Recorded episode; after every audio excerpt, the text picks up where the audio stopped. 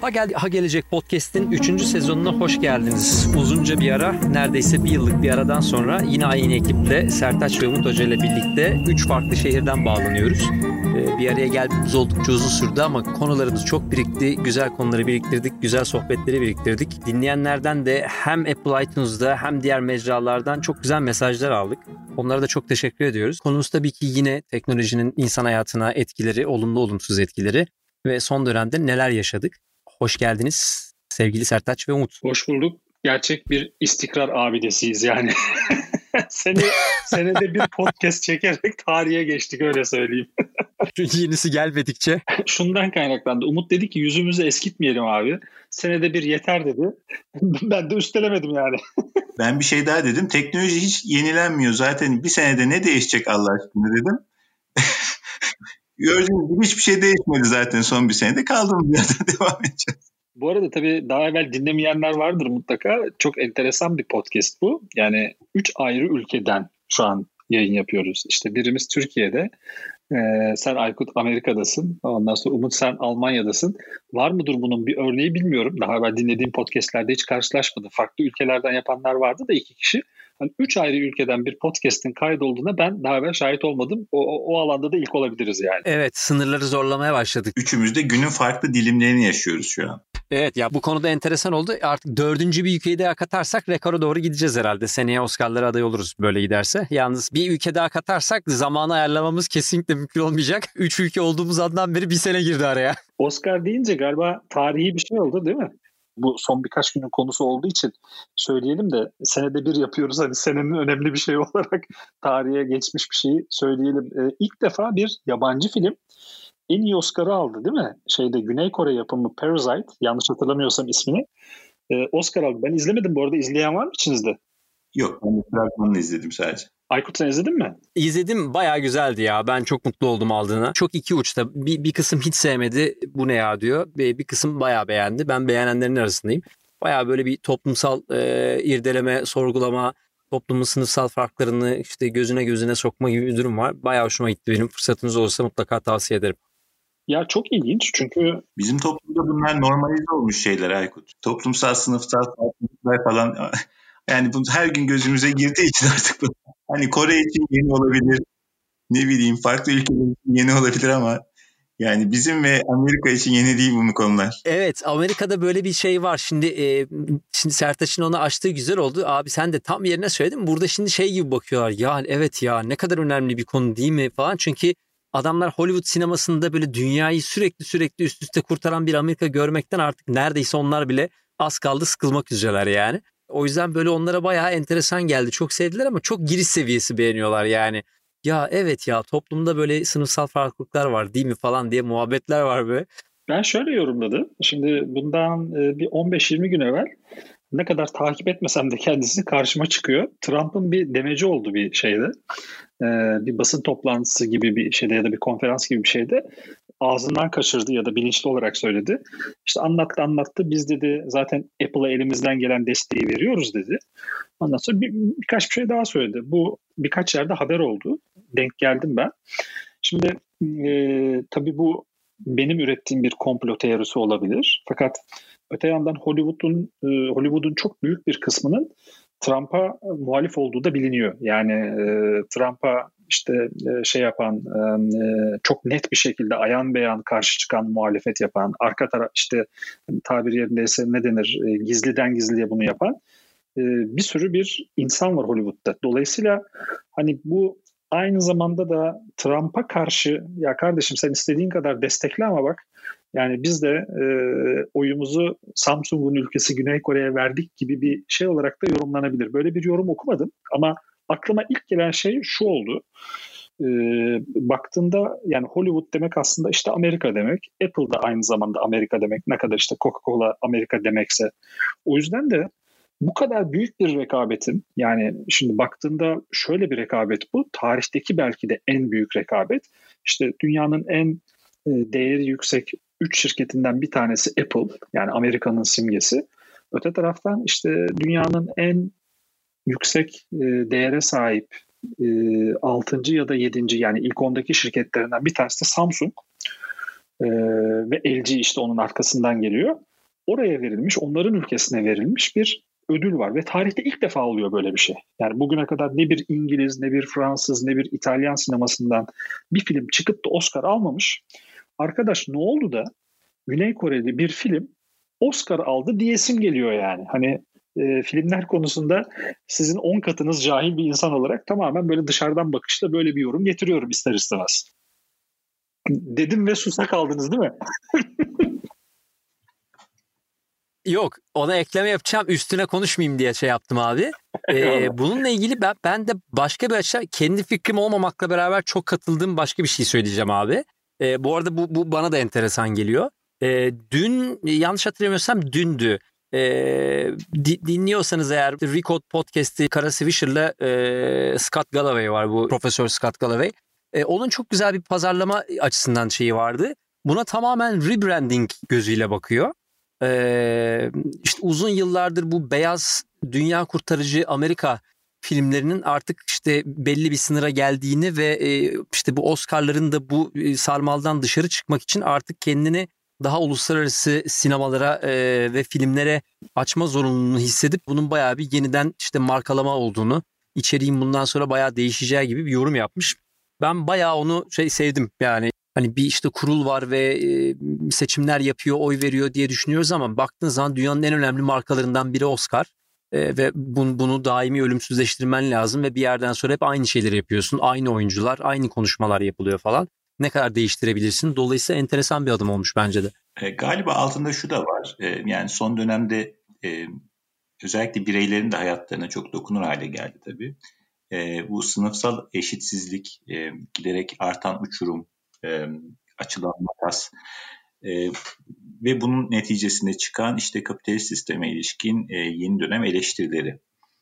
E, bir yandan kuşaklar da değişiyor. Yani bir e, 68 dönemini yaşamıyoruz belki ama e, yeni kuşak daha farklı ihtiyaçlar hissediyor ve daha farklı çözümler geliştirmeye çalışıyor. E, bu konu aslında gündemde olan bir konu. E, yani sadece e, devletler değil aynı zamanda işte e, kapitalist ekonominin asıl temsilcisi olan, asıl sürükleyicisi olan şirketler de bu konuda eleştiriliyor. Ya da sınıfsal farklılıklar da eleştiriliyor. Ee, şu anda mesela elimde çok güncel bir araştırma var. İki gün önce yayınlandı. Ee, Almanya'da bir kurum var. Ee, kurumun ismi e, Strateji ve Yüksek Liderlik Merkezi diye çevireyim ben Türkçe'ye. Ve Almanların e, hangi konularda endişe ettiğini gösteriyor. Ee, işte farklı ülkeler hakkındaki endişeleri, e, politik durumlar hakkındaki endişeleri vesaire. E, Almanya'daki en büyük ikinci endişe e, toplumsal açıdan zenginle yokul, yoksul kesim arasındaki farkın artması olarak açıklanmış. E, %66'sı yani halkın %66'sı zengin kesimle yoksul kesim arasındaki farkın artmasından korkuyor. E, bu önemli bir gösterge bence. E, sonuçta Almanya'da liberal ekonominin e, en e, önde olduğu ülkelerden bir tanesi. E, ve bir yandan da e, şu anda koalisyonda ana parti aslında bir e, liberal parti. E, ama böyle bir eleştirinin halkın içinden geliyor olması tabii içinde e, göçler, göçlerle bir beraber ortaya çıkan problemler, göçmen problemleri e, hepsi dahil Hepsi etkileyici ve belirleyici bu konularda. Aykut kusura bakma senin bir gündemin vardı aslında ama 15 dakikasını yedim o gündemin. Dekoru yedim abi kusura bakma. Çok çok önemli bir konuya girdim. Bu buradan şimdi teknolojiye dönmek çok zor. Sınıf farkı deyince. buradan da hiç susmayız konuşuruz ama yani düşünüyorum şimdi bunu nasıl bağlayacağız zaten diye de ben bunu şöyle bağlayayım. Hazır sınıfsal farklılıklardan ve toplumlardan ve işte farklı ülkelerden konuşmuşken o zaman koronavirüsüne geri dönelim e, insanların birbirlerinden uzak kalmaya çalıştığı, korktuğu, işte etkinliklerin iptal edilmeye başlandığı, hatta sanayilerin etkilendiği, muhtemelen işte Çin'de yaşanan bu hastalıktan sonra dünyanın her alanda etkileneceği bir döneme geldik. Özellikle teknoloji sektörünü çok vuruyor. Muhtemelen daha da çok göreceğiz bunu. Biraz onunla ilgili bilgilerinizi alalım. Çünkü şimdi Sertaç demin seninle konuşurken yayından önce e, tam e, Mobile World Congress'ten bahsediyorduk. E, galiba iptal oldu diye. Biraz ondan başlayalım isterseniz. Dünyanın en önemli etkinliklerinden birini iptal edecek vaziyete geldi. Evet, e, isterseniz önce bu konudaki tıbbi görüşü almak için İstanbul'daki Sertaç Doğanay'a, Doktor Sertaç Doğanay'a bağlanalım. Olur, olur. Bence de çok güzel olur. Kısa bir özet geçeyim. Şimdi koronavirüs dediğimiz şey yeni bir şey değil aslında. Yani bu tanımlanalı, bulunalı yaklaşık işte 40-50 yıl falan geçmiş. Bundan yaklaşık işte 10-15 sene evvel üzerine konuştuğumuz, panik yaptığımız SARS, ondan sonra MERS gibi virüsler, büyük salgınlar yaratan virüsler hep aynı familyadan, aynı aileden. Yani koronavirüs de o aileden. Fakat bunların şeyleri var. E, birbirinden farklı yönleri var. Yani bir tanesi daha öldürücü. Yani bulaştığında öldürme riski daha yüksek. E, SARS mesela 2003'teki SARS böyle bir virüstü. E, böyle işte yüzde ikilerde falan oldukça yüksek oranlarda. Koronavirüste durum biraz daha farklı. Koronavirüste de çok hızlı bir şekilde yayılıyor fakat öldürme oranı daha düşük. Aslında birbirlerine benzer birbirinden farklı yönleri var. Fakat farklı olan şey şu. 2003'te SARS salgınında Çin'in dünya ekonomisindeki payı 2003'te %5. Yani işte global gayri safi milli gelirdeki payı %5. Şimdi ise %16. Yani dünyanın neredeyse bütün üretimi Çin'de ya da işte Çin'in yakınındaki Tayvan'da, ona yakın yerlerde falan yapılıyor. Ondan dolayı da her ne kadar bir kıtalar arası salgın yani pandemi olarak tanımlanmasa da Dünya Sağlık Örgütü tarafından bir alarm verildi. Uluslararası bir alarm verildi ve tarihte bu 6. kez oldu sadece. Yani daha önce 5 defa olmuştu. Dünya Sağlık Örgütü 6. defa dedi ki çok büyük bir sağlık tehdididir bu. Lütfen dikkat edin şunları şunları şunları yapın. Yayından önce de kısa sohbet ederken acaba işte dünyanın en büyük mobil etkinliği olan Barcelona'daki Mobile World Congress bir sürü katılım iptalinden dolayı yapılmayabilir mi falan derken sen dedin ki biraz evvel haberi düştü bunun. Gerçekten de Twitter'da gördük farklı farklı kanallarda. Şey iptal oldu. Yani kongrenin kendisi iptal oldu. Bu akıl alacak bir şey değil.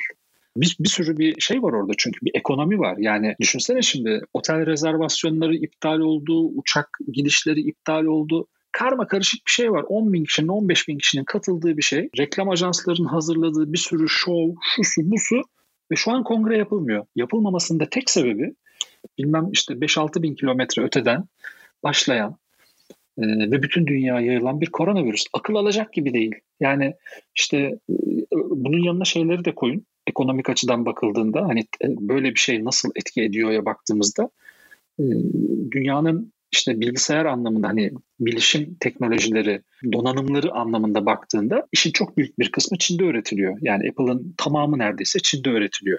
İşte Foxconn ve benzeri şirketlerde bir aydır şey yapmıyorlar. Bir aydır üretim yapmıyorlar. Yani fabrika kapalı. Keza otomotivde de aynı şekilde. Umut orada e, otomotiv konusunda daha fazla şey söyleyecektir. O daha yakın o tarafa. Ondan dolayı da bu hani hayatta benim hiç görmediğim, rastlamadığım derecede büyük bir ekonomik, büyük bir e, toplumsal etkisi olan bir salgın olarak karşımıza çıkıyor. Yani şeyden öte bir şey bu. Hani kaç kişinin hayatını kaybettiğinden öte. Şüphesiz bütün bu konuştuklarımız yani bir kişinin bile e, hayatından daha önemli değil. Yani ekonomik kayıp dediğin şey nedir? Yani 3 sene 5 sene çalışırsın ama onu bir kenara bırakıyorum onunla hiç kıyaslamadan. Bir salgın hastalığın yarattığı dünyadaki benim yaşadığım hani 44 yaşıma kadar en büyük en büyük etki olarak görüyorum. Diyeyim topu size vereyim beyler. Ben şöyle bir katkı yapayım. İlginç e, bir yandan Sertaç konuşurken şunu aradım. Mesela Birleşmiş Milletler'in hazırladığı bir rapor var. 2019 yılı Dünya Su Raporu.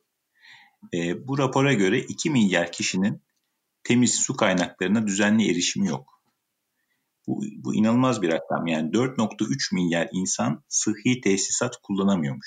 E, ve 2050 yılına kadar su kaynaklarının kısıtının daha da fazla artması ve çevre kirliliğinin artan etkileri sebebiyle e, suya erişim imkanı olan insan sayısının daha da azalması bekleniyor. E, dolayısıyla böyle krizler, böyle sağlık krizleri aslında bize e, sistemde var olan çarpıklıkları ve eksiklikleri de daha iyi gösteriyor. E, bunun içine işte çevre felaketlerini ekleyebiliriz. Bunun içine sağlık hizmetlerinin yeterli olmamasını koyabiliriz. Ben bir yandan şunu düşünüyorum. Mesela aynı salgın Çin'de değil de Avrupa'nın merkezinde bir ülkede olsaydı ya da Afrika'nın merkezinde bir ülkede olsaydı ya da Afrika'nın kıyısındaki bir ülke olsaydı muhtemelen çok farklı reaksiyonlar olacaktı. E, bu işin yönetimiyle ilgili. E, şimdi Çin'i farklı kılan şey şu. Çin birincisi çok büyük bir ekonomi. E, büyük ekonomi olmasının e, şöyle etkileri var. Birçok uluslararası şirketin Çin'de üretimi var. E, Çin'de çalışan ciddi bir expat kitlesi var. E, dolayısıyla Çin'den ciddi bir ticaret e, hacmi var. E, Çin'den e, ithal edilen ürünlerde, üretim içinde yapılan ürünlerde. E, bütün bunlar tabii ortada büyük bir ticari hacim oluşturuyor. Ve bu işin ekonomik etkileri tabii çok daha yüksek oluyor. Ekonomi boyutundan bakarsak bu şekilde görebiliriz. Yani işte iptal olan etkinlikler, kongreler bile bunların yansıması. Onun dışında üretimi tamamen durduran, mağazalarını durduran, oradaki fabrikaları durduran birçok uluslararası şirketler var. E, işin ekonomi boyutu böyle. İşin sosyal boyutunda bambaşka şeyler tartışılıyor. Çünkü insanlar bir yandan karantinaya alınıyorlar. E, bir yandan e, farklı kişilere karşı bir takım ön yargılar ortaya çıkıyor. Dolayısıyla bu işin farklı bir boyutu. E, işte evden çalışma kültürü mesela Çin'de sorgulanmaya başladı. Bu tür felaket durumlarında keşke evden çalışan ve buna alışkın olan daha geniş bir kitle olsa ve ekonomi bu kadar zarar görmese diye. O işin bambaşka bir boyutu. E, politika boyutuna baktığınız zaman e, bu tür krizler acaba nasıl yönetilmeli? Yani ulusal çapta nasıl yönetilmeli? Nasıl başa çıkılmalı bu tür krizlerle? Ve uluslararası ilişkiler anlamında nasıl yönetilmeli? Çünkü artık sadece ulusal politikalardan bahsetmek mümkün değil. Birçok ülkenin çıkarı birbirine bağlı.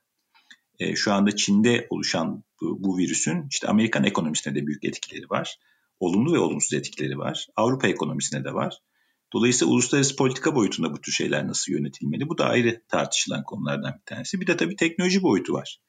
Teknoloji boyutunda da e, bu tür virüslerle baş etmek için e, bizim altyapımız, teknoloji altyapımız ne kadar kuvvetli ve ne kadar hızlı çözümler üretebiliyoruz? E, bu çözümleri ne kadar hızlı e, hayata geçirebiliyoruz? Bu da işin farklı bir boyutu. Ben yine aynı soruya geleceğim. Bu böyle bir kriz Avrupa'nın merkezinde bir ülkede olsaydı acaba nasıl yönetirdik, nasıl e, etiklenirdik? Bunu da tartışmak lazım. E, ama Çin bence bütün diğer ülkelerden daha farklı bir pozisyona sahip. E, çünkü üretim yapan hemen hemen bütün uluslararası şirketlerin Çin'le mutlaka bir bağlantıları var. Dolayısıyla bu Belçika'da olsaydı ya da Hırvatistan'da olsaydı bunu belki yönetmek çok daha kolay olacaktı. E, ama Çin'de olduğu zaman işler daha da değişiyor. Evet o, o enteresan bir soru. Yani Avrupa mesela şimdi işte Çin'i e, şikayet ediyorlar. Geç hareket etti, söylemedi. Mutlaka ki bir takım şeyler olmuştur. Yani hani benim uzmanlık alanım değil. Ama ben de aynı şeyi düşünüyorum. Hani Avrupa kendi içinde bunu yaşamış olsaydı bu kadar hızlı bir şekilde herkese duyurabilecek miydi? Biz işte bu hangi ülkede olduysa ülkeyi kapattık, karantinaya aldık diyebilecek miydi konusu bayağı enteresan. Bir de Çin'in kendi elindeki teknolojiyi ve datayı ne kadar korkutucu olsa da burada ara ara konuşuyoruz. Onu bunun için kullanmasında da oldukça enteresan şeyler oluyor. İşte yüz tanıma teknolojilerini kullanıp bilmiyorum takip etme şansınız oldu mu? Özellikle şeyleri bulmak için kullanıyorlarmış yüz, yüz tanıma teknolojisini. E, hasta olduğunu bildikleri belli bir kişinin işte son bir hafta, üç hafta içerisinde nerelerde gezdiğini yüz tanımadan bulup e, o bölgeleri ve işte kişinin yüz fotoğrafını e, ya da isminin belli bir kısmını e, medyaya duyurup hani buralarda olduysanız ve isminin şu kadarı şu olan kişilerden biriyle bir şekilde temas ettiyseniz e, gelin bize ulaşın diye. Ama tabii oradaki gazeteciler şey de diyordu yani öyle olmuş olsa bile korkusundan tabii hükümete gitmek istemeyecek olan kişiler de var diye ama ben işin teknoloji kısmından bayağı etkilendim.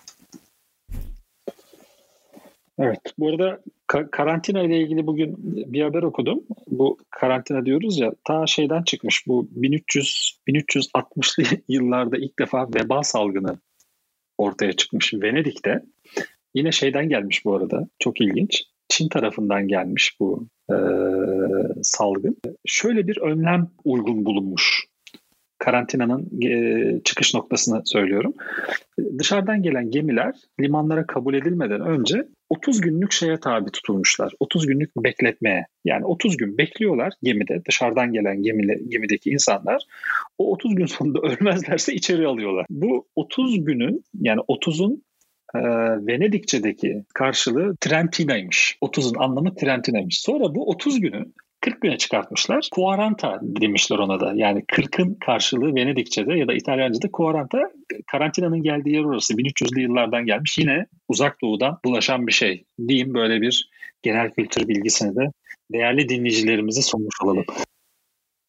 Hazır hazır buradan giderken ve gene teknoloji bağlantısı derken o zaman şunu da söyleyelim. Genelde bu işte e, açık toplum, açık bilgi üzerinden de konuşuyoruz. Geçtiğimiz haftalarda e, işte Çinli doktorlar e, ellerindeki verileri internet üzerinden açık hale getirdi ve dünyanın farklı yerlerindeki üniversitedeki akademisyenler, doktorlar aynı veri seti üzerinden çalışmaya başladılar. O da çok enteresan bence. Yani bir anda aynı problem üzerine aynı anda çok farklı yerlerden insanların çalışabiliyor olması, işte bu verinin de açık olması ve herkesin erişebilir olmasının neden gerektiği olduğu üzerine bence iyi bir örnek. Dolayısıyla hazır yeri gelmişken açık verinin ne kadar önemli olduğunu bir daha hatırlatmış olalım burada. Seviyoruz ve destekliyoruz. Açık veri derken enteresan başka bir şey daha var. Onu da söyleyeyim de yine teknoloji ve veriyle alakalı. Dünya Sağlık Örgütü'nden bir hafta önce bu salgının nereden, hangi şehirlerden diğer şehirlere yayılacağını öngördüler. Yani ne yapmışlar biliyor musunuz? Uçak bileti satış raporlarını değerlendirmişler. Yani o şey bölgesinde işte Çin, ondan sonra Japonya, e, Tayvan, Bangkok, e, Tayland vesaire vesaire ve tam bir hafta önce Dünya Sağlık Örgütü'nden bu salgının Wuhan'da başlayıp Çin'in Wuhan şehrinde başlayıp sonra Bangkok'a, sonra Seul'e, sonra Taipei'ye, sonra da Tokyo'ya yayılacağını predikt etmişler, öngörmüşler. Ne kadar ilginç değil mi? Yani başka başka hiçbir şey yapmamışlar bakın. Uçak bileti satış raporlarından yararlanmışlar sadece. O verilerden yararlanmışlar ve şey anonim veri tabii. Yani Ahmet Hasan Hüseyin değil. Sadece kaç kişi nereden nereye gidecek? Buradan yola çıkarak bir algoritma yazmışlar ve bunu tahmin etmişler. Çok ilginç şeyler oluyor ya. Yani acaba şeyi düşünüyorum. Bu haberlerden sonra şöyle şeyleri düşünüyorum beyler. Yani acaba bizim hiç aklımıza gelmeyen başka veriler de var mıdır bir şeyleri tahmin etmemizi sağlayacak? Yani kimin aklına gelir ki uçak bileti satış raporlarından bir salgının nereden nereye yayılacağını tahmin etmek? Yani birinin aklına gelmiş bu. Acaba aklımıza gelmeyen başka şeyler de var mıdır diye düşünüyorum yani. Yeni dünyanın savaşı da o değil mi zaten şu an? Herkes bir şekilde o veriye ulaşmaya çalışıyor ki başka şeyler çıkaralım. Hani neyi bulabiliriz? Aslında için sorusu kritik yani aklımıza gelmeyen kim bilir nasıl ilişkiler kurabiliriz. Şimdi e, bilim dediğimiz konu yani bunun içine fen bilimlerini de koyabiliriz. E, matematik, istatistik bilimlerini de koyabiliriz. Sosyal bilimleri de koyabiliriz. Aslında e, varoluş sebepleri bir yandan da bu. Yani e, neyin neden olduğunu anlamaya çalışmak ve neyin nasıl olabileceğini öngörmeye çalışmak. E, dolayısıyla pratikten gelen bir, tek, bir takım e, veriler üzerinden de onları gözlemleyip e, onların arasında bir takım modellemeler kurup oradan teorilere ulaşmaya çalışıyor ki geleceğe ilişkin bir takım e, öngörülerde de bulunabilsin. E, aslında şu anda bütün bu süreci farklı kılan şey veriye erişim imkanlarımız. E, yani yıllarca işte sosyal bilimler tarafında ya da idari bilimler tarafında çalışmış birisi olarak e, yapacağımız birçok araştırmada ana kısıtlardan bir tanesi veriye erişmekti, veri toplamaktı. Veriyi sağlıklı olarak toplamaktı, işte doğru hacimde toplayabilmekti. Şimdi elimizde öyle şanslar var ki e, veriye daha fazla sayıda erişebiliyoruz, daha büyük hacimlerde erişebiliyoruz. Ve dolayısıyla bunların aralarındaki ilişkiyi analiz etmek için de elimizde farklı farklı birçok araçlar e, gelişmiş oluyor.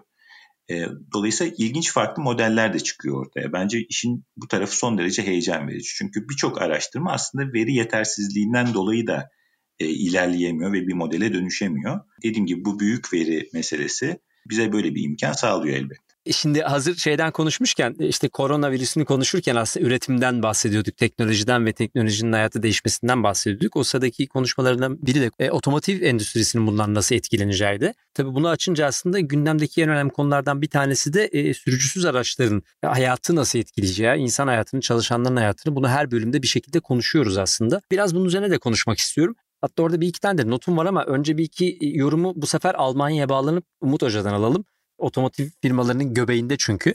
Orada bu işe nasıl bakıyorlar ve dönüşüm nasıl gidiyor? Onun üzerine de yorumları devam ederiz Sertaç ve ben. Peki şimdi e, otomotiv sektörü e, az önce de bahsettiğim gibi Almanya için çok çok kritik e, e, bütün ekonominin aslında kalbinde olan bir sektör.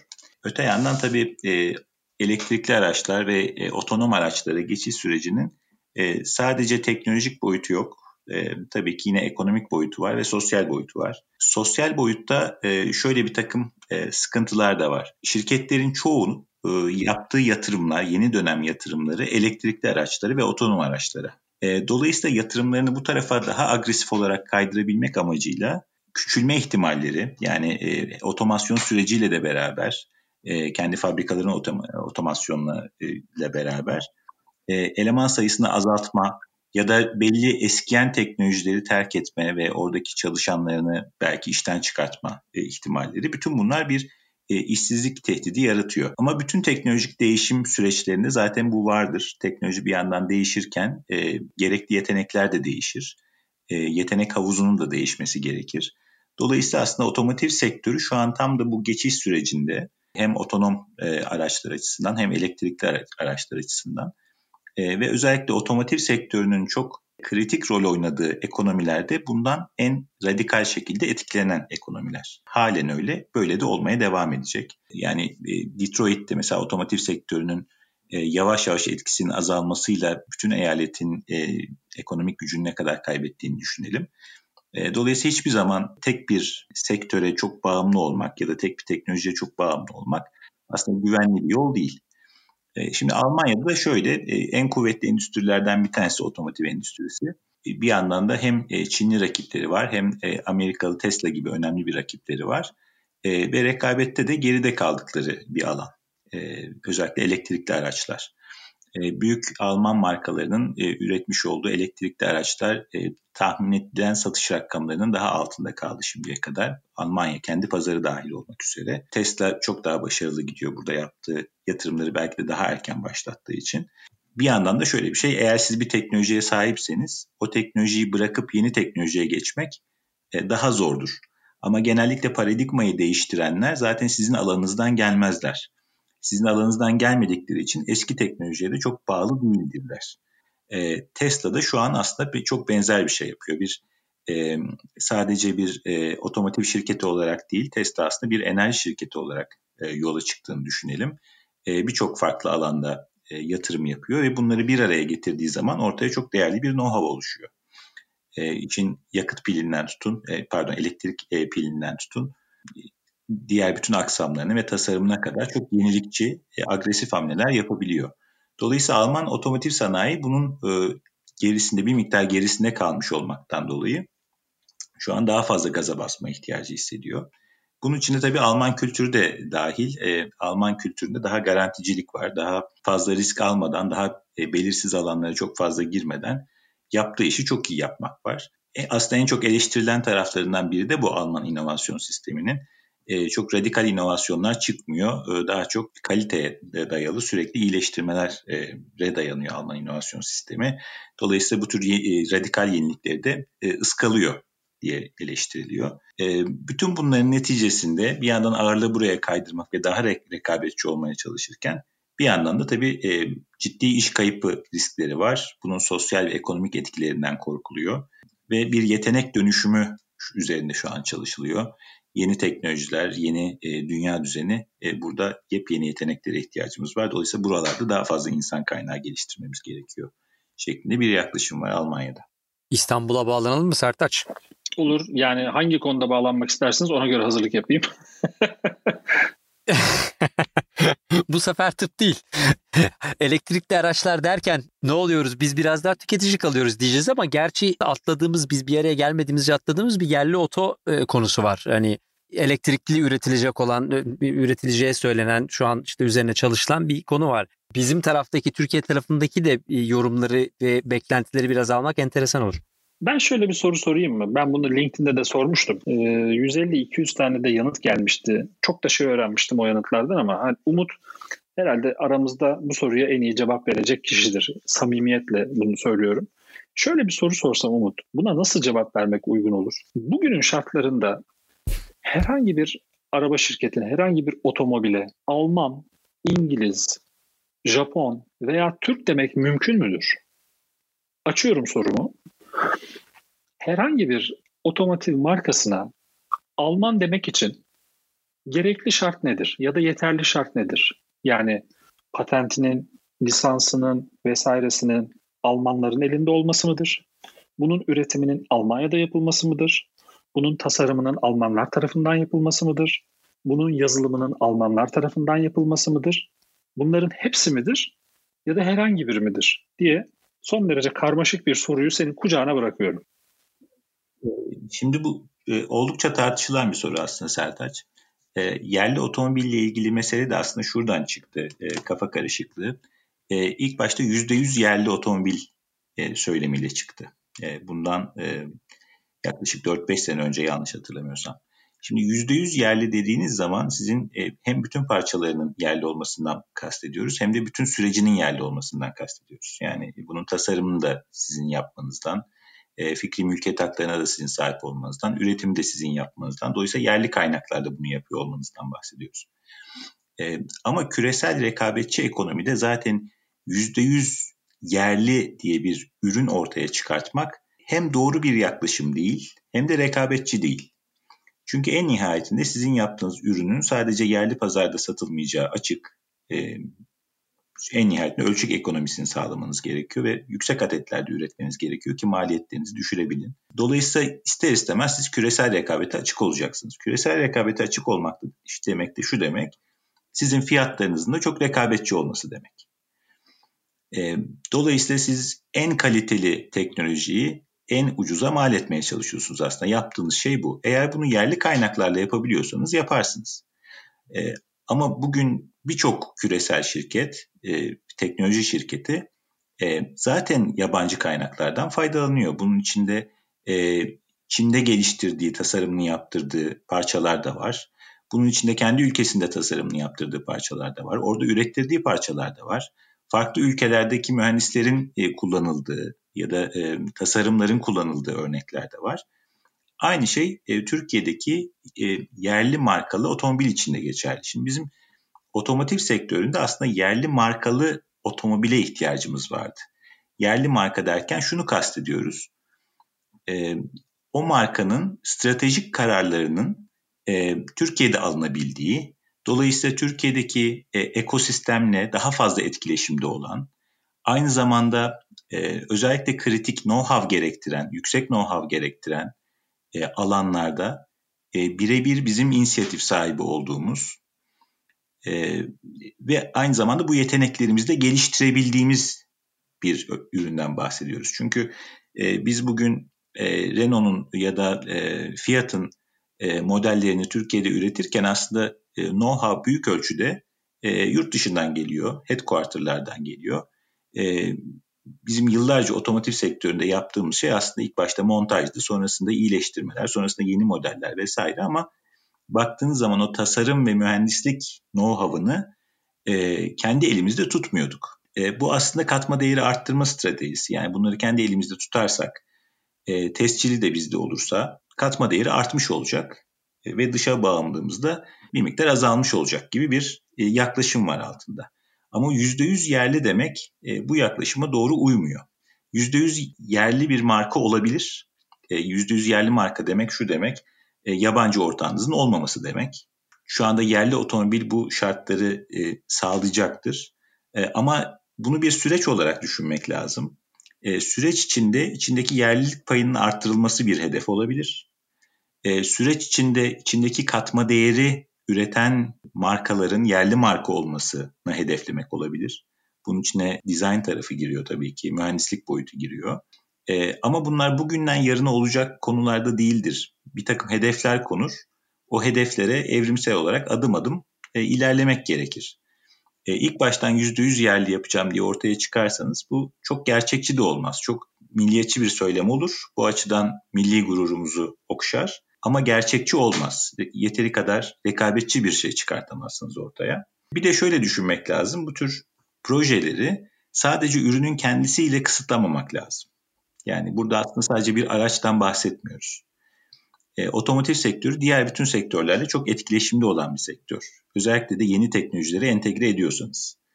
E, dolayısıyla bu projeyi aslında bizim yerli startuplarımızı daha da kuvvetlendirebileceğimiz, belki işte akıllı yol teknolojileri, akıllı semtler, akıllı şehir teknolojileri, e, IoT gibi teknolojiler, bütün bunları geliştirmeye yönelik startupları çıkartabileceğimiz, onları da hatta dünya ölçeğine taşıyabileceğimiz yani scale up yapabileceğimiz kaldıraç projeleri olarak düşünmek gerekiyor diye düşünüyorum.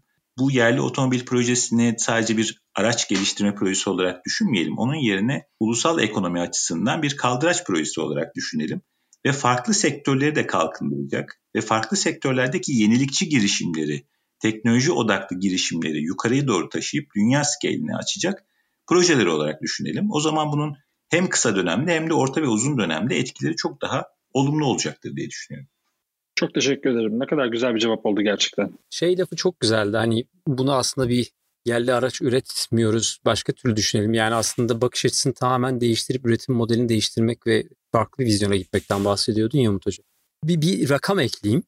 1900'lü yılların başında hatta bir soru sorayım. 1900'lü yılların başında kaç tane Amerika'da kaç tane e, araba üreten şirket varmış? Bir tahminde bulunabilir misiniz? Amerika'da kaç tane araba üreten şirket 1900'lü yılların başında? Evet, 1900'lerin başında yani 1890'ların sonunda üretim zaten başlamıştı. 1900'lerin başında pik yaptı e, araba üreten şirket sayısı. Sizce orada kaçtı? Sonra bir bugünkü rakama doğru bir gideceğiz. Abi 3'tür 4'tür herhalde. E, giderek, giderek konsolide olduğunu biliyorum ben zaman içinde. E, yani ilk başta dediğin gibi yükseliyor rakamlar. E, yanlış bilmiyorsam yüzlere yakın bir rakam var değil mi? 1900'lerin başında 233 tane otomotiv firması var Amerika'da markası. Ne, ne diyorsun sen ee, ya? Tabii bunlar firma derken tabii onları bugünkü e, ölçekte işte Ford gibi falan düşünmemek lazım ama 233 farklı marka. 1910'lara geldiğinizde 150'lerin biraz üstünde. 1920'de 50 tane 55 taneye düşüyor ve 1930'da artık bir banda oturuyor işte yaklaşık 20'ler civarında. Ee, 1950'lerde biraz artmış ama bugün tahmin edeceğiniz üzere 3 tane büyük marka var aslında işte General Motors, Ford ve Chrysler hani dünyanın en büyük 3 tane şeyi. Ee, dolayısıyla şeye çok katılıyorum hani aslında belki marka bile çok önemli değil. Geriye kalacak olan şey aracın kendisi. Yani zamanla bütün bu markalar, fabrikalar değişiyor, kapanıyor, birbirlerini satın alıyorlar, birbirlerini yiyorlar. Aynı bu üç markada olduğu gibi şu an bütün dünyayı bu üç marka götürüyor. Fakat ulaşım ihtiyacı hiç değişmiyor. Bir şekilde bir yerden bir yere gitmek lazım. Dolayısıyla şeyi düşünmek çok güzel. Yani otomotiv firmalarının aslında üretim yaparken startupları, teknoloji firmalarını düşünmesinden bahsederken ki şey e, mantık beğenerek dinlediğim ve hayran olduğum bir şey. Bununla ilgili bir tane yazı vardı. Podcast'in notlarında koyarım. Siz takip ediyor musunuz bilmiyorum ama belki paylaşmışımdır. Ben Thompson diye bir e, stratejist bir eleman var. E, günlük yazılar yazar strategy.com'da. E, orada bununla ilgili bir yazı paylaşmıştı. İşte sonun başlangıcı diye. E, otomotiv sektöründen çıkıp teknoloji sektörünün nasıl e, buradan örnek alması gerektiğini, bu markaların yok olduğunu ama ihtiyacın devam ettiği üzerine.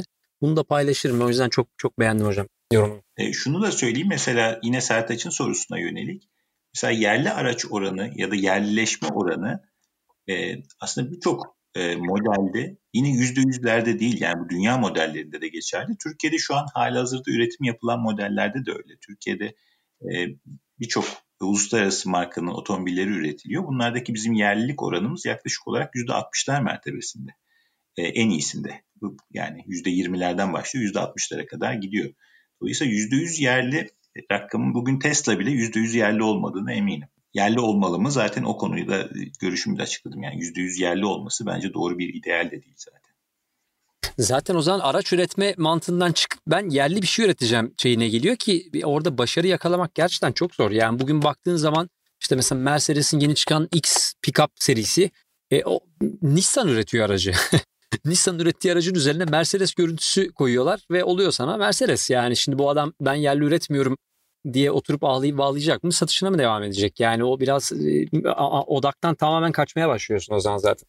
E, ama şu bir hedef olabilir Aykut. Yani zaman içinde yerlik oranını arttırmak. Burada çünkü bizim e, otomotiv tarafında e, yan sanayi dediğimiz işin daha e, komponent ve sistem tedariğini yapan e, sektörümüz son derece kuvvetli. Ve yıllar içinde kendi üretim kapasitesini çok geliştirdi. Şu anda daha tasarım ve inovasyon kapasitesini geliştirme e, sürecinde. Ama olursa ki bu, bu proje bir kaldıraç projesi olarak bizim yerli tedarikçilerimizin kuvvetlenmesini sağlar, onları daha inovatif olmaya zorlarsa ve onları da dünyaya, dünya piyasasına daha fazla taşıyabilirse bence en büyük kazanç bu. Yani biz sadece e, burada TOG'un e, geliştirdiği otomobili değil, onun içindeki komponentleri ve sistemleri geliştiren yan sanayiyi de bence tartışmalıyız. Onların gelişmesini de hedeflemeliyiz. Hep bu şekilde bakmamız gerekiyor. Şimdi otomotiv deyince benim aklım bir anekdota kaydı. Hemen onu söyleyeyim. Çünkü bu vereceğim anekdotun üzerine biz ayrı iki tane daha program yapabiliriz. Hatta birilerini daha konuk edip. Şimdi bu 1945 ile 1960 arasında e, Ford'un başında Henry Ford 2 var. Yani e, kuran Henry Ford'un oğlu. Ondan sonra e, işte 50'li 60'lı yıllarda artık e, Ford'da şey başlamış. Yani e, robotlarla üretim başlamış. İnsan eli dokunmadan yavaş yavaş üretmeye başlamışlar. Çok büyük fabrikaları var. Birleşik Otomotiv Otomotiv İşçileri Sendikası'nın efsanevi bir başkanı var. Ee, Walter Reuter diye yanlış hatırlamıyorsam ismini ya da Reuter her nasıl okunuyorsa geliyor fabrikayı geziyor Henry Ford'la beraber. Ondan sonra tam gezerlerken Henry Ford diyor ki Walter'a bu iş, işçiler sendikasının başkanına bak bakayım şuraya diyor bu sendika aidatlarını diyor bu robotlardan nasıl toplayacaksın diyor. Dalga geçiyor. E, sendika başkanı yapıştırıyor. Diyor ki sen onu boş ver diyor Henry diyor. Sen bu arabaları bu robotlara nasıl satacaksın sen onu düşün diyor. Ta o zamanlardan başlıyor şey hikayesi. Hani işte robotlar yapay zeka insanların işlerini elinden alacak mı falan filan hikayesi. Ta bak 1950'li yıllardan bugüne geliyor. Bu bence üzerine çok güzel konuşulabilecek konulardan biri. Anekdot aktarayım. Yine topu sana vereyim Aykut. Arkadaşlar yerlilik kuralıyla ilgili ufak bir katkı yapayım. Ee, az önce o konu geçmeden e, şimdi TOG'un CEO'su Mehmet Gürcan Karakaş Bey e, kendisi bir açıklama yapmıştı bu oranı ile ilgili. E, şunu söylemişti yanlış hatırlamıyorsam ilk model için yani TOG'un üretilecek ilk modeli için yerlilik oranının %50 olması hedefleniyor. E, ve zamanla e, %50'den %68'lere çıkılması hedefleniyor. E, dolayısıyla içindeki yerlilik oranı aslında %100 değil hedeflenen e, bu bir söylemdi yani %100 yerli otomobil e, ilk bu proje ortaya çıkmaya başladığında söylenen bir söylemdi yıllar önce.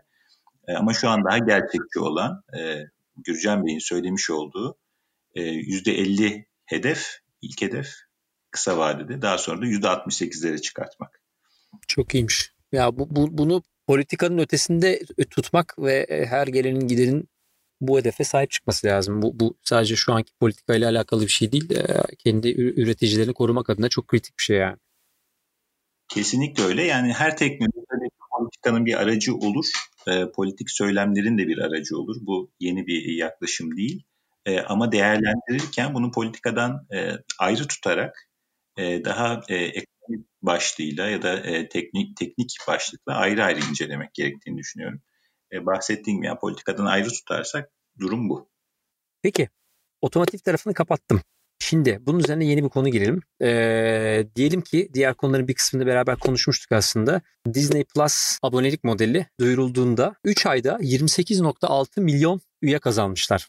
Özellikle işte bu Mandalorian ve benzeri yayınları da çıkarak. Dolayısıyla Netflix'in canını ot tıkamaya geliyorlar.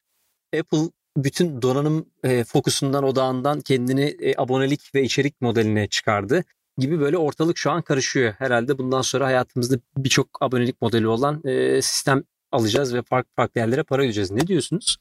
Hazır mısınız? Ee, bu arada şeyin Netflix'in abonesi herhalde 150 milyonu geçti değil mi? Son rakamlar öyleydi diye hatırlıyorum. Yanlış hatırlamıyorum. Evet 158.3 milyon. Şöyle bir şey var ee, arkadaşlar ben öyle bir katkı yapayım. Topu sonra tekrar size vereyim. Akıl almaz bir para harcıyor bu şirketler şeye e, içerik üretimine. Netflix'in 2019'da orijinal içerik üretimine ayırdığı para, harcadığı para 9.2 milyar dolar. Yani 9.2 milyar dolar şöyle bir para. Ee, Koç Holding'in bugünkü piyasa değeri yani satın almaya kalksanız piyasa değeri 8 milyar dolar öyle diyeyim size yani. Koç Holding'i satın alabilecek bir parayı bir senede harcamış Netflix. Ama bir dakika orada bitmiyor. AT&T 12.2 milyar dolar harcamış 2019 senesinde. Comcast 15.9 16 milyar dolar harcamış ama Disney 18.7 milyar dolar. Yani Netflix'in tam iki katı para harcamış orijinal içerik üretmeye. Acayip bir para. Yani bunları şey yaptığınız zaman ilk ondaki işte Amazon'u da işte Fox'u, Discovery'yi, Apple'ı, şusu busu topladığınız zaman öyle yaklaşık 50-60 milyar dolarlık bir şey çıkıyor. Ee, karşımıza bir tablo çıkıyor. O yüzden de e, tahmin ediyorum ki senin dediğin gibi ilk 3 ayda e, işte hatta şöyle söyleyeyim ilk 3 ayı bırak ilk e, 24 saatte yani lansman yapıldıktan sonraki ilk 24 saatte 12 milyon abone mi ne topladılar? Akıl almaz bir sayıydı yani. Hani yok öyle bir şey. Tarihte yok öyle bir şey. E, büyük bir ihtimalle de bu iş şeye dönecek. Yani ne kadar kaliteli, ne kadar e, yüksek bütçeli işler yaparsan her zaman yüksek bütçe şüphesiz kaliteli içerik çıkarmıyor ama genelde öyle oluyor. Hani işte bir Game of Thrones'un bütçesi akıl almaz bütçeler yani o zaman Game of Thrones olabiliyor. O yüzden tahminim o ki önümüzdeki bir senede iki senede Netflix'in e, dünyada en büyük işte e, inovasyonlardan biri olarak, inovatif iş modellerinden biri olarak görülen Netflix'in ciddi bir rekabetle karşılaşacağını ben öngörüyorum. Nasıl karşılık vereceğini de çok merak ediyorum. Yani şöyle de bir gerçek var çünkü bu Netflix'in algoritmasıyla ilgili bir blog yazısı yazmıştım ben bundan yaklaşık bir sene önce. Benim blogumda en çok okunan yazı oldu. Demek ki insanlar gerçekten çok merak ediyor. Fakat her ne kadar işte e, bu algoritmayı yani bize önerdikleri e, içerik önerdikleri kişiye özel algoritmayı e, algoritma üzerine çok çalışmış olsalar da bu iş için milyon dolarlık yarışmalar açıyor olsalar da hala düzgün çalışmayan şeyleri var, kısımları var. Disney Plus kullanmadığım için bilmiyorum ama Disney Plus'ın nasıl olduğunu çok merak ediyorum. Eğer onlar bu işi daha iyi yürütebilir, yürütebilirlerse iki ellerindeki bütçe Netflix'in iki katı iyi içerikler üretebilirlerse gerçekten bir süre sonra hani evde Netflix izliyor musun muhabbetinin başka bir tarafa kayıp evde Disney Plus izliyor musun'a dönüşebileceğini öngörüyorum. Benden bu kadar. Ee, şimdi biliyorsunuz her çağa bir isim veriliyor. İşte e, daha önce sanayi dönemlerinden vesaire geçtik. Sonra bilgi ekonomisine doğru geçtik. Ve bence şu anda da e, özgür ve özgün e, content, içerik çağındayız. Bütün bu gelişme baktığınız zaman bir yandan geleneksel medya ciddi kan kaybediyor. Geleneksel televizyon kanalları, geleneksel e, gazeteler, yazılı basın. E, bir yandan tirajları ciddi anlamda azalıyor, reytingleri ciddi anlamda azalıyor. E, çünkü bu modeller aslında bize e, bir takım içerikleri kendileri üretip e, dayatma üzerine kuruluydu. Ama e, şu an mesela YouTube ekonomisine baktığımız zaman e, bireylerin ürettiği içeriklerin yani özgün içeriklerin e, çok daha özgür şekilde e, kombine edilebildiği bir takım modellere doğru gitmeye başladı. Yani şu anda e, bizim çocuklarımız onlardan bir işte birkaç yaş daha büyük olanlar tamamen kendi kanallarını oluşturuyorlar e, ya da kendi takip ettikleri kişilerden bir ortaya kolaj e, oluşturuyorlar kendi ilgi alanlarına göre. E, dolayısıyla özgür olarak üretilmiş ve özgün içeriğe kendileri de özgür bir şekilde e, kombin ederek kendi medyalarını oluşturuyorlar. E, bence Netflix'te, işte Disney'de, YouTube'da bütün bunlara doğru cevap veren, bu çağı doğru yakalayan örnekler. Bütçe öngörüleri gelmiş bu firmaların. Disney'in bu yıl harcamayı planladığı rakam 27.8 milyar dolar wow. içerik için. ne yaptın o zaman ya? Ne yaptın ya? Öldürdün ya. Ya dünyada bu kadar aç insan varken ve demin işte susuz oranından bahsetmiştik bu arada. E, televizyon içeriği satmak için çok çılgın bir rakam. Comcast aşağı yukarı aynı kalmış. 15.4 milyar dolar. Netflix 15 milyar. Viacom 15. AT&T 14. Amazon 6.5 milyar. Apple 6 milyar diye gidiyor. Fox 5.7 falan. Geri kalanları zaten yani yani çıl, çılgın rakamlar yani akıl almaz. Dolayısıyla bu sene böyle ne olacak göreceğiz yani. Yanlış hatırlamıyorsam senin yazında da galiba vardı. Ee, Game of Thrones bölüm başına 6 milyon dolar falan harcıyordu bu arada. Hani tabii bu milyarların yanında onlar küçücük kaldı ama e, çok çok enteresan. Ben şeyi merak ediyorum aslında. E, şu an burada mesela şeyi görüyorum. Yani hani Netflix üyesi çok var. Bu insanlar işte bir yandan cable'da takip ediyor. Diğer yerlere de bakıyorlar falan. Şu an her birinin üçer üyeliği var. Mesela şu an en güzel sistemlerden biri muhtemelen biri yapmayı becerirse yani beni tek bir üyelikle hepsini üye yapabilecek bir ara adama ihtiyacım var benim şu an. Çünkü aynı anda hem Disney alacağım hem Netflix alacağım. işte hem podcast'im için bilmem ne e, sunucusunu satın alacağım. Şu an üye olduğum yer sayısı herhalde çılgın olmaya başladı ve ucunu kaçırıyoruz. Dolayısıyla bu, bu ara çözümü bulan şu an next billion unicorn olur ben size söyleyeyim. bir de Amerika'da yayılan bir trend daha varmış. A, pardon Umut ya sen devam et abi. Ya şey Aykut'un anlattıklarıyla ilgili bir şey soracaktım da hani e, the next big thing dediği için. Amerika'da yaygın olan daha doğrusu yaygınlaşan bir model daha varmış. Türkiye'de ben hiç rastlamadım. E, şeye abone oluyormuşsun. E, işte Box aboneliği yani Box'tan kastım atıyorum evet. işte e, haftada evet. bir sana bir yerden işte taze meyve evet. gönderiyorlar sallıyorum. Ne bileyim işte yemek gönderiyorlar veya e, ne bileyim sürpriz bir şey gönderiyorlar. Yani ne olduğunu bilmediğin bir şeye de abone olabiliyormuşsun. Ya o nasıl Amerika'da nasıl yürüyor o iş? Yani böyle kitaplarda falan okuyorum ama gerçekten o kadar büyük bir iş mi? Onun onun tam adı nedir? Ne subscription'ıdır o Aykut?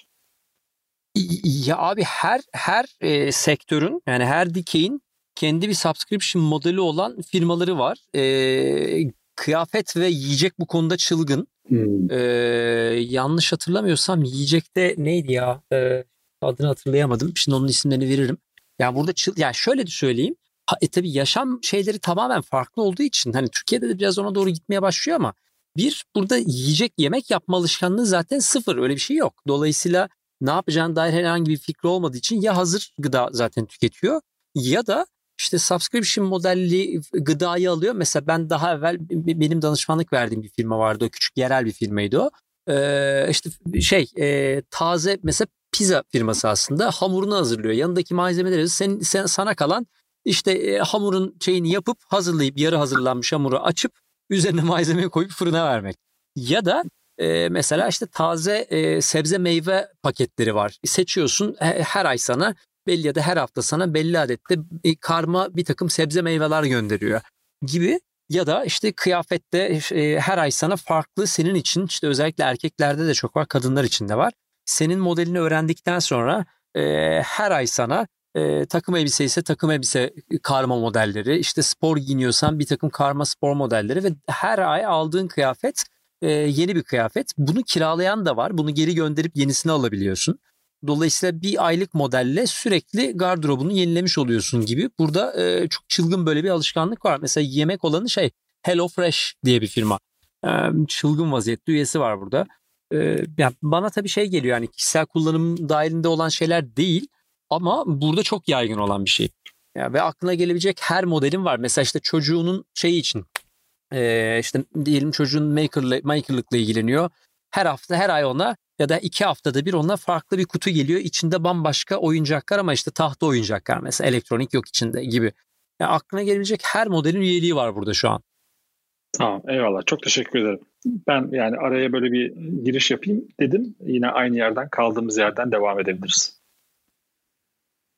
Ben ben Aykut'un söylediğine şöyle bir yorumda bulunabilirim. Şimdi üye olduğumuz her platform, orada tükettiğimiz her türlü içerik aslında bize dair çok ciddi bir veri üretiyor tabii. Herhangi bir içeriğe başlayıp bırakmamız da, onu ne kadar seyrettiğimizde, ne kadar zamanda seyrettiğimizde, onu ne kadar paylaştığımız sonrasında, onunla ilgili ne kadar içerik paylaştığımız, bütün bunlar veri üretiyor. Dolayısıyla şu içeriği üretmek çok kolay aslında, şu bilgiyi üretmek. Ee, ben bugün e, YouTube'dan şu şu kanalları seyrediyorsam, e, Netflix'te şu şu dizileri seyrediyorsam, demek ki benim bir sonraki üyelik modelimde neyi tercih edeceğime ilişkin e, oldukça kişiselleştirilmiş bir takım çözümler üretmek mümkün. bir süre sonra zaten bana doğrudan bununla ilgili öneriler gelmeye başlayacak. tamamen seyrettiğim içerik üzerinden işte siz şu filmleri seviyorsanız şöyle şöyle bir kıyafet ya da moda firmasına e, da abone olabilirsiniz gibi bir takım içerikler de üretecek. Sektörlerin iç içe geçtiği e, tamamen kişiselleştirilmiş yine özgür ve özgün bir takım içerikler ve abonelik modelleri aslında çıkacak ortaya. Evet çok enteresan yani veri e, yani onu, onu şey için de düşünüyordum geçen şimdi e, işte podcast camiası büyüyor. İşte bu sene enteresan enteresan haberler oldu. Spotify yine bu yılda işte bu, bu ayın başında bir satın almayla başladı. 600 e, milyon dolara yakın bir para harcamış oldu. E, onu düşünürken işte şeye bakıyordum. Hani Apple niye yapıyor, niye yapmıyor, bu konuda hiçbir gelişme yapmıyor derken Spotify'ın aslında buna ne kadar mecbur olduğunu bir yandan düşüyorsun. E, bir yandan da şunu düşünüyordum. Yani Spotify'ın elindeki dinleme rakamları aynı senin dediğin gibi hocam. Yani benim neyi nerede dinlediğim, Üstelik sadece benim değil, benim bunu hangi arkadaşımla paylaştığım, hatta ben mesela aile modeli paketi kullanıyorum. Benim aile grubumun içinde kimler olduğu ve aynı şarkıları paylaşıyorsak işte e, demografik yapın, satın alma gücün, yani müziğinin dışında her şeyi biliyor ve aslında sen bambaşka bir şirket haline geliyorsun. O yüzden çok çılgın ve inanılmaz bir yere doğru gidiyor iş. Bazen aklım almıyor gerçekten. Hani ne iş yaptığını aslında gösterdiğin iş değil arka tarafta tamamen veri işi yapıyorsun. Aslında, Hepimiz veri madencisiyiz gibi bir şeye dönmeye başlıyor. Aslında var ya ne zaman parayı vururlar biliyor musunuz? Ee, şimdi Spotify'ın çok işlemeyen bir şeyi var biliyorsunuz. Ee, social tarafı, sosyal tarafı var. Ee, sağ şeyde, desktop'ta izlediğin yani takip ettiğin kişilerin ya da işte arkadaşlarının dinledikleri şeyleri sana böyle bir akışta feed'de gösteriyor. Fakat orası işlemiyor. Yani düzgün işlemiyor daha doğrusu. Şimdi şöyle bir şey düşünün. Belki hani Netflix düşünmüyordur. Netflix duy sesimizi böyle bir şey yaptıklarını varsayalım. İnsanların izledikleri filmlerle ilgili paylaştıkları çok şey var. Yani hani belli e, belli kategorideki filmleri izleyen insanların üzerine konuşabilecekleri çok şey var. Benim etrafımda da var böyle insanlar. Netflix şöyle bir şey yapsa mesela. E, ben atıyorum şeyi izliyorum şimdi. Godfather'ı izliyorum mesela. Aynı anda o Godfather'ı izleyen dünyadaki insanların şeyini gösterse bana. E, profillerini gösterse. Tabii ki arzu edenin yani profili açık olanın. Ve ben direkt o insanlarla temas kurabilsem. Hatta şey yapsa mesela. Ee, İstanbul'da bunu yapsa, hatta İstanbul'da işte benim yaşadığım atıyorum Kadıköy'de bunu yapsa, hatta biraz daha böyle ince ayar yapıp dese ki mesela e, işte iki kilometre çapındaki bir alanda şu an Godfather izleyen şöyle biri var. Düşünseniz oradan ne muhabbet çıkar? Yani işin sosyal tarafındaki e, o şeyi kullanıp e, insanların birbirleriyle bir şey konuşma, bir şey tartışma, bir şey paylaşma, ne bileyim işte e, ortak zevk falan gibi şeylerini değerlendirip bir model yaratsalar. Acaba hiç böyle bir şey var mıdır ya? Netflix'te olmadığını biliyorum da. Bildiğim kadarıyla yani benim bildiğim kadarıyla şu an kendi işlerinde bu servis böyle bir servis veren yok ama bunu bunu e, parasal bir hale dökmesi çok zor diye de girmiyor olabilir. Spotify'ın ilk çıktığı zamanlarda kişiler arasında işte DM gönderebildiğim bir servisi vardı mesela. Onu kapattı. Şimdi kimse hatırlamaz onu kendi arkadaşlarınla yazışıp kendi müziklerini paylaş ama ama sadece kendi arkadaş grubunla yapabiliyordum bunu. Şimdi elinde tabii e, Twitter, Instagram falan gibi ikinci, üçüncü ekranlar olunca oradan nasıl tabii bunu monetize edebilir? O konu sorunlu. Bir de ama yani Spotify için bir de şu da sorunlu. Ee, şu an Spotify kazandığı her bir doların e, 65 sentini e, müzik işte şey firmalarına, bandrol firmalarına veriyor. Müziğin sa- eser sahibi firmalara veriyor yani yarısından fazlasını.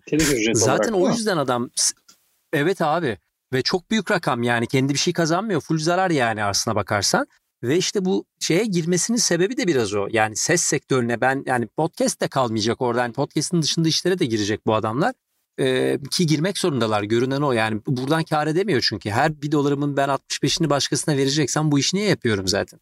Kar edemiyorsun yani onlar. Hatta en son satın aldıkları firma e, podcast firması ama aslında medya firması. The Ringer diye bir firmayı satın aldılar. Bill Simmons diye çok e, meşhur bir Amerikalı bir adamın şeyi ve bu adam daha evvel başka bir Amerikan e, şeyin ESPN network'ündeydi. Oradan ayrılıp kendi şeyini kurmuştu bu adam, şirketini kurmuştu. E, burası mesela sadece podcastçi değil. YouTube yayınları yapıyorlar. İşte web sitesinde müthiş bir spor e, içeriği var. Sonra popüler içerik kurdu. Mesela Spotify şu an bayağı içerik üreticisi oldu. Tam Umut Hoca'nın dediği şeye geldi. Hani herkes içerik üretiyor aslında. Verim bir şeyli olan o ki o içeriği nasıl paylaştığını görelim. Hani muhtemelen senin dediğinden ziyade yani kullanıcıya içerik ürettirmekten ziyade kendi ürettiği içeriği kullanıcıya paylaştırıp bunun üzerinden işte gene bir abonelik modeli çıkaracak gibi gözüküyor. Başka türlü çünkü hayatta kalamıyorlar anlaşılan. Doğru doğru. Doğru sana katılıyorum. E, tabii, bütün bunlar konuşulurken bir yandan da kişisel verilerin e, gizliliği konusu giriyor tabii devreye. E, tabii bu konudaki duyarlılık her, her yerde aynı düzeyde değil ama e, benim Almanya'da gördüğüm e, duyarlılık hat safhada e, ve bu tür şirketlere karşı da e, bunun içine Facebook dahil, bunun içine Google dahil e, ciddi bir tepki var. Yani onların içeriklerini özellikle kullanmamaya yönelik ya da orada iz bırakmadan e, nasıl kullanabilirim ya da oradaki haklarımı nasıl koruyabilirim, nasıl savunabilirim? E, bu konular epey gündemde olan konular e, ve e, yine de, az önce bahsettiğim anketlerden bir tanesiydi. e, mesela yüz tanıma sistemlerinin kullanılmasını ne kadar doğru buluyorsunuz sorusunun cevabına e, işte Almanya'da yapılan ankette yüzde 78 ben kullanılmasını istemiyorum diyor. E, aynı şey işte bu tür abonelik modellerinde vesaire oralarda da geçer. Çünkü nereye abone olursak olalım aslında bir e, mutlaka iz bırakıyoruz. Ve iz bırakmayı ne kadar istiyoruz? Bu ekonominin ne kadar parçası olmak istiyoruz? Ya da ne kadar predikt edilebilmeyi istiyoruz, öngörülebilmeyi? E, bunun bize zararları ne olacak? Bir yandan bence bunlar da tartışılması gereken konular ve e, bir tercih yapacaksak da bunu bilinçli olarak yapmamız gereken konular. Evet. Bu, bu, bu, bu konu bunu bunun bunun için aslında ayrı bir bölüm yapalım. Bu benim de çok gündemimde ve bütün dünyanın da çok konuştuğu bir şey. Yani şey konusu mesela önemli. Yani Netflix'e üye olurken ben belli yani bildiğim verileri vermeyi kabul ediyorsam bence problem yok ama işte alt taraftan sen gidip bambaşka verileri de çekmeye başlıyorsan ve benim hiç haberim yoksa e, bundan ben de çok rahatsız oluyorum ve büyük ihtimalle birçok kullanıcı da bundan rahatsız oluyor. En azından bilinç arttı ki bu iyi bir şey bence. En azından firmaları biraz daha legal yere sokmak için. E, çünkü işte Facebook tarafında gördük yani sırf daha fazla kullanıcı verisi alabilmek için VPN firması satın alıp e, insanlar daha güvenli diye VPN kullandığını düşünürken VPN senin telefondaki chat loglarına kadar her şeyi Facebook'a gönderiyor falan gibi bir dünya oldu. Şimdi davasını yaşıyorlar mesela. Enteresan bir yere gidiyoruz. Muhtemelen bunu daha çok konuşacağız. Aa, hepimiz öleceğiz bence. Bunlar beni korkutuyor ya. Gerçekten korkutuyor ya. Abi biraz korkmak lazım aslında. Çünkü şey var.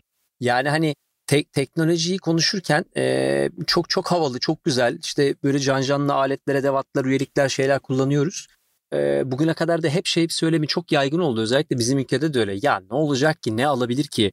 Yani benim her şeyim açık ya. Açık olup olmaması konusu değil ki. O senin. Yani hani neyi verdiğimizi bilmiyoruz o sırada. İşte ya da senin ilk verdiğin örnekte işte bütün bu veriler benim verilerimle 100 milyar insanın verisi bir araya geldiği zaman ne oluyor konusu bana zarar veriyorsa ama ben bunu bilmiyorsam bir problem yani. işte bunu bilen var bilmeyen var oluyor. Ee, bilenlerde şirketler oluyor. Daha çok konuşmak lazım. Biraz da korkmak lazım bence yani. Teknolojinin o eğlenceli dönemi biraz bitmeye başlıyor bunlarla. O değil de uzun metrajlı İtalyan filmi çektik ya. Kaç saat oldu ya? Evet. Evet şu an 2 saat 10 dakikadır konuşuyoruz. Ben artık kapamak üzereyim zaten. Zira benim bilgisayarımın şarjı da %20'yi buldu. Uzun İtalyan filmi süperdi. Bitmeyen İtalyan filmi yapmışlar ha. ya bir itirafta bulunmak istiyorum. Ya. Geçen senenin en iyi filmleri arasında gösterilen Roma var ya. Ya ben onu 10. dakikadan sonra evet. izleyemedim ya. Gerçekten. Gerçekten yani o, o, o kadar o kadar ağır tempolu siyah beyaz falan. Ben Roma deyince böyle can canlı ne bileyim işte renkli hareketli Dolce Vita falan bir şey bekliyorum yani. Allah'ın başladı film ilerlemiyor ilerlemiyor. Dedim ki ilk böyle sen de dedim aynı şeyi düşünüyorsan benimle dedim bunu kapatalım. Oradan bir macera filmini atladık. Fast and Furious 8'de devam ettik. Ama zaten sen hiç Nuri Bilge Ceylan filmleriyle şey yapmamış, antrenman yapmamış mıydın öncesinde? Bir itirafta, bir itirafta daha bulunayım. Hayatımda hiç Nuri Ceylan filmi, Nuri Bilge Ceylan filmi izlemedim. Çünkü beni tanıyan arkadaşlarım dediler ki sakın izleme. Yani sakın girme oraya dediler yani. Bunu gurur duyarak söylemiyorum. Yanlış anlamayın. Ama bir itiraftır yani.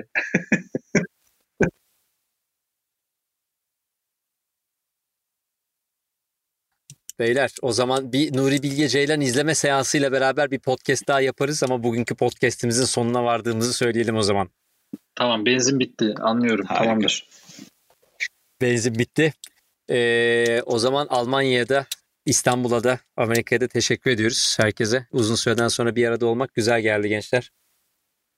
Aykut sağ olasın. Eksik olma. Ben de çok teşekkür ederim. Konuşması en güzel, en zevkli kısmı ama sen şimdi e, bunu böyle podcast yapana kadar yani podcast haline getirene kadar arka tarafta bir sürü montajdı, şuydu, buydu işleriyle uğraşacaksın. Hani çok samimiyetle söylüyorum. Ellerine sağlık. Büyük fedakarlık yapıyorsun. Sağ olasın abi. Rica ederim valla. Benim için en keyiflisi ikisi de yani hem sizle konuşuyorum arkasından da bir şey üretmiş oluyoruz. Herkesin kullanabileceği. O yüzden çok mutlu oluyorum. Güzel yorumlar gelince bu arada bize yorum yapan dinleyicilere de teşekkür ederiz. Ee, o yüzden yani size de teşekkür ederim. İstanbul'da gecenin bu saatinde, Almanya'da gecenin bu saatinde vakit ayırdığınız için. O yüzden çok kıymetli. E, ikinize de teşekkürlerimi tekrardan sunuyorum. Kapatırken de ufak bir e, bilgi geçeyim. Hazır şimdi buradayken. Bu yayını yapmamıza destek olan Podyolab girişimimiz e, geçtiğimiz hafta mediapod.com ortaklık yaptı. Bundan sonra 10 e, günde bir dünyadaki ve Türkiye'deki podcast sektörü gelişmeleriyle ilgili hazırlayacağımız bir e, ev bültenle yayına başlayacağız. Bundan sonra da farklı ortaklıklarımız olacak. Dolayısıyla bu konuda e, merak eden varsa podcast sektöründe neler oluyor, gelişimleri takip etmek istiyorum diyen olursa mediapod.com slash bülten mediapod.com slash bülten adresinden e, üye olurlarsa e, 10 gün sonra e, yeni e-bültenimizi göndermeye başlayacağız deyip bu bilgiyi de geçip e, duyuruyu yaptıktan sonra hepinize teşekkür ederim. Eyvallah. Hadi iyi geceler. Ben de teşekkür ederim. Umut Hocam. Sohbetti gel. Özlemişim sizleri. Ee, bir sene sonra görüşmek üzere demiyoruz. Yok. Ben ben bu sefer el, elimde direkt balyozla hepinizi zorla getireceğim artık. Bir sene yok. Eyvallah. Çok teşekkürler. Neyse ben anca giderim bu hızdan artık. Hadi güle güle Beni ışınla ışınla enerjiyle.